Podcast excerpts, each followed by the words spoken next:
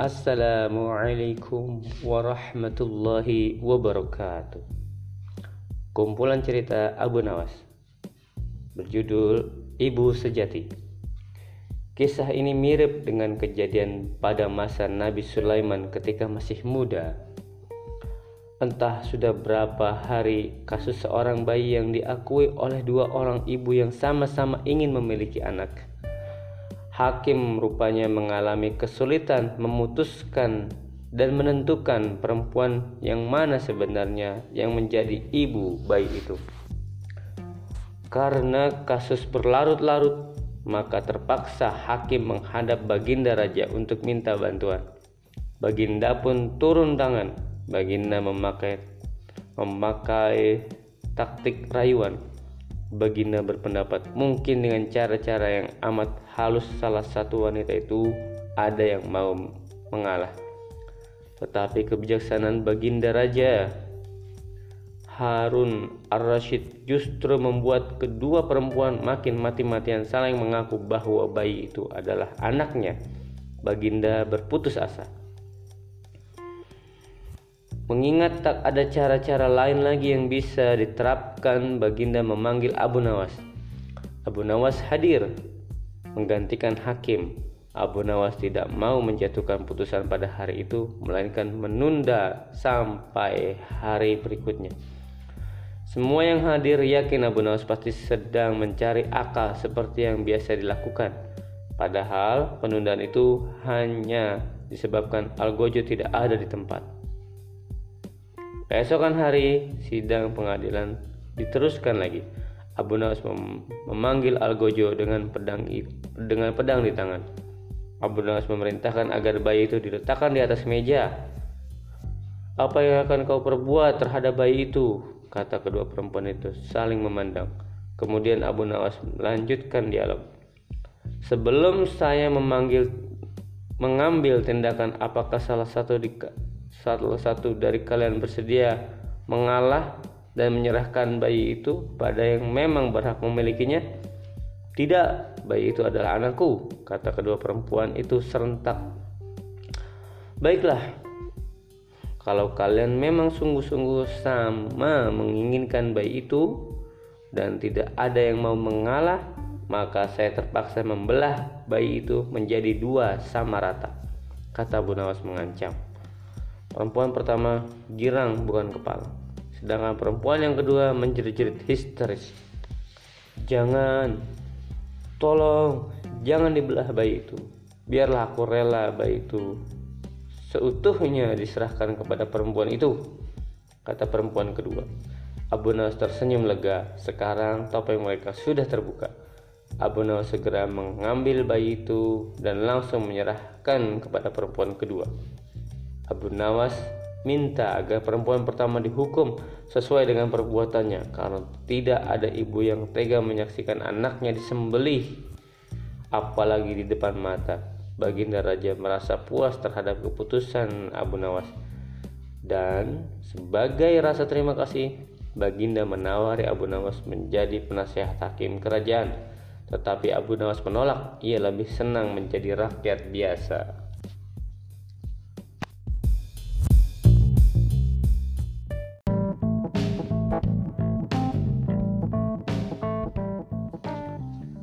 Assalamualaikum warahmatullahi wabarakatuh. Kumpulan cerita Abu Nawas Yang berjudul Cerita Humor. Abu Nawas Mengawal Raja. Alkisah Abu Nawas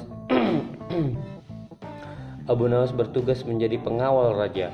Ke mana pun raja pergi Abu Nawas selalu ada di dekatnya raja membuat undang-undang kebersihan lingkungan yang ada salah satu pasalnya berbunyi dilarang berak di sungai kecuali raja atau seizin raja. Pelanggaran atas pasal ini adalah hukuman mati. Suatu hari, raja mengajak Abu Nawas berburu ke hutan.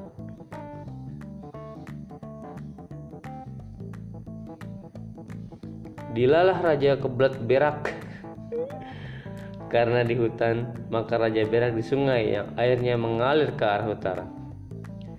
Raja berak di suatu tempat. Eh, Abu Nawas ikut berak juga di sebelah selatan dari raja. Begitu raja melihat ada kotoran lain selain kotorannya, raja marah. Dan diketahui yang berak adalah Abu Nawas. Abu Nawas dibawa ke pengadilan, ke pengadilan. Abu Nawas difonis hukuman mati. Sebelum hukuman dilaksanakan, Abu Nawas diberi kesempatan membela diri. Kata Abu Nawas, Raja yang mulia, aku rela dihukum mati. Tetapi aku akan sampaikan alasanku kenapa aku ikut berak bersama raja saat itu. Itu adalah bukti kesetiaanku pada paduka raja. Karena sampai kotoran raja pun harus aku kawal dengan kotoranku. Itulah pembelaanku dan alasanku raja. Hukumlah aku.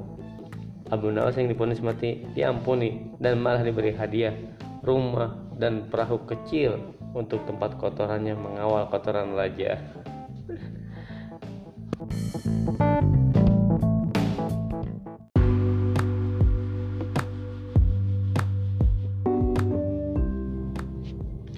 Assalamualaikum warahmatullahi wabarakatuh. Kumpulan cerita Abu Nawas dengan judul Pekerjaan yang Mustahil Baginda baru saja membaca kitab tentang kehebatan Raja Sulaiman yang mampu memerintahkan para jin memindahkan singgasana Ratu Bilqis di dekat istananya. Baginda tiba-tiba merasa tertarik. Hatinya mulai tergelitik untuk melakukan hal yang sama. Mendadak beliau ingin istananya dipindahkan ke atas gunung agar bisa lebih leluasa menikmati pemandangan di sekitar. Dan bukankah hal itu tidak mustahil bisa dilakukan karena ada Abu Nawas yang amat cerdik di negerinya? Abu Nawas segera dipanggil untuk menghadap Baginda Raja Harun al-Rashid. Setelah Abu Nawas dihadapkan, Baginda bersabda, Sanggupkah engkau memindahkan istanaku ke atas gunung agar aku lebih leluasa melihat negeriku? Tanya Baginda. Abu Nawas tidak langsung menjawab. Ia berpikir sejenak hingga keningnya mengkerut tidak mungkin menolak perintah Baginda kecuali kalau memang ingin dihukum. Akhirnya Abu Nawas terpaksa menyanggupi proyek raksasa itu. Ada satu lagi permintaan dari Baginda, pekerjaan itu harus selesai hanya dalam waktu sebulan. Abu Nawas pulang dengan hati masgul. Setiap malam ia hanya berteman dengan rembulan dan bintang-bintang Hari-hari dilewati dengan kegundahan. Tak ada hari yang lebih berat dalam hidup Abu Nawas kecuali hari-hari ini. Tetapi, tetapi pada hari ke-9 ia tidak lagi merasa gundah gulana. Keesokan harinya Abu Nawas menuju istana. Ia menghadap Baginda untuk membahas perpindahan istana. Dengan senang hati Baginda akan mendengarkan apa yang diinginkan Abu Nawas. Ampun tuanku, hamba datang ke sini hanya untuk mengajukan usul untuk memperlancar pekerjaan hamba nanti kata Abu Nawas apa usul itu kata Baginda Raja hamba akan memindahkan istana paduka yang mulia tepat pada hari raya Idul Kurban yang kebetulan hanya kurang 20 hari lagi kalau hanya usulmu kalau hanya itu usulmu Baiklah, kata Baginda. Satu lagi Baginda, Abu Nawas menambahkan. Apalagi? Tanya Baginda. Hamba mohon, Baginda menyembelih sepuluh ekor sapi yang gemuk untuk dibagikan langsung kepada para fakir miskin, kata Abu Nawas. Usulmu kuterima, kata Baginda menyetujui. Abu Nawas pulang dengan perasaan riang gembira. Kini tidak ada lagi yang perlu dikhawatirkan. Toh nanti bila waktunya sudah tiba, ia pasti akan dengan mudah memindahkan istana Baginda Raja. Jangankan hanya memindahkan ke puncak gunung, ke dasar samudera pun Abu Nawas sanggup. Desas-desus muncul tersebar ke seluruh pelosok negeri. Hampir semua orang harap-harap cemas. Tetapi sebagian besar rakyat merasa yakin atas kemampuan Abu Nawas karena selama ini Abu Nawas belum pernah gagal. Abu Nawas belum pernah gagal melaksanakan tugas-tugas aneh yang dibebankan di atas pundaknya. Namun, ada beberapa orang yang meragukan keberhasilan Abu Nawas kali ini. Saat-saat yang dinanti saat-saat yang dinanti-nantikan tiba, rakyat berbondong-bondong menuju lapangan untuk melakukan salat hari raya Idul Kurban. Dan seusai salat 10 sapi sumbangan baginda raja disembelih lalu dimasak kemudian segera dibagikan kepada fakir miskin. Kini giliran Abu Nawas yang harus melaksanakan tugas berat itu. Abu Nawas berjalan menuju istana diikuti oleh rakyat. Sesampai di depan istana Abu Nawas bertanya kepada baginda raja. Ampun tuanku yang mulia, apakah istana sudah tidak ada orang-orang lagi? Tidak ada, Jawab baginda raja singkat. Kemudian Abu Nawas berjalan beberapa langkah mendekati istana.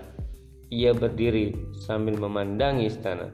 Abu Nawas berdiri mematung seolah-olah ada yang ditunggu. Benar baginda raja. Akhirnya tidak sabar. Abu Nawas menganggap engkau belum juga mengangkat istanaku.